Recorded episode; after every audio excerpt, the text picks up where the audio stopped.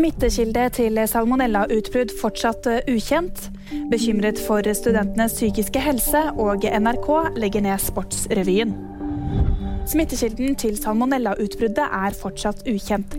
42 personer i flere fylker har i november blitt syke av bakterien, og Mattilsynet opplyser at de fleste ble syke på samme tidspunkt. Folkehelseinstituttet jobber med å finne smittekilden, og sjekker bl.a. kvitteringene til de som har vært syke.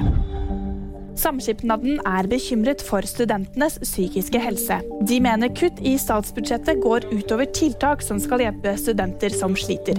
Da det i går ble enighet om statsbudsjettet for 2023, ble det klart at fulltidsstudenter får mer å rutte med. Samtidig så går støtten til Samskipnaden som jobber med studenthelse kraftig ned, og de sier selv at støtten blir kuttet med 51 millioner kroner. NRK legger ned Sportsrevyen etter 60 år. Grunnen er strammere økonomiske rammer og at de må kutte i alle divisjoner og innholdsmiljø.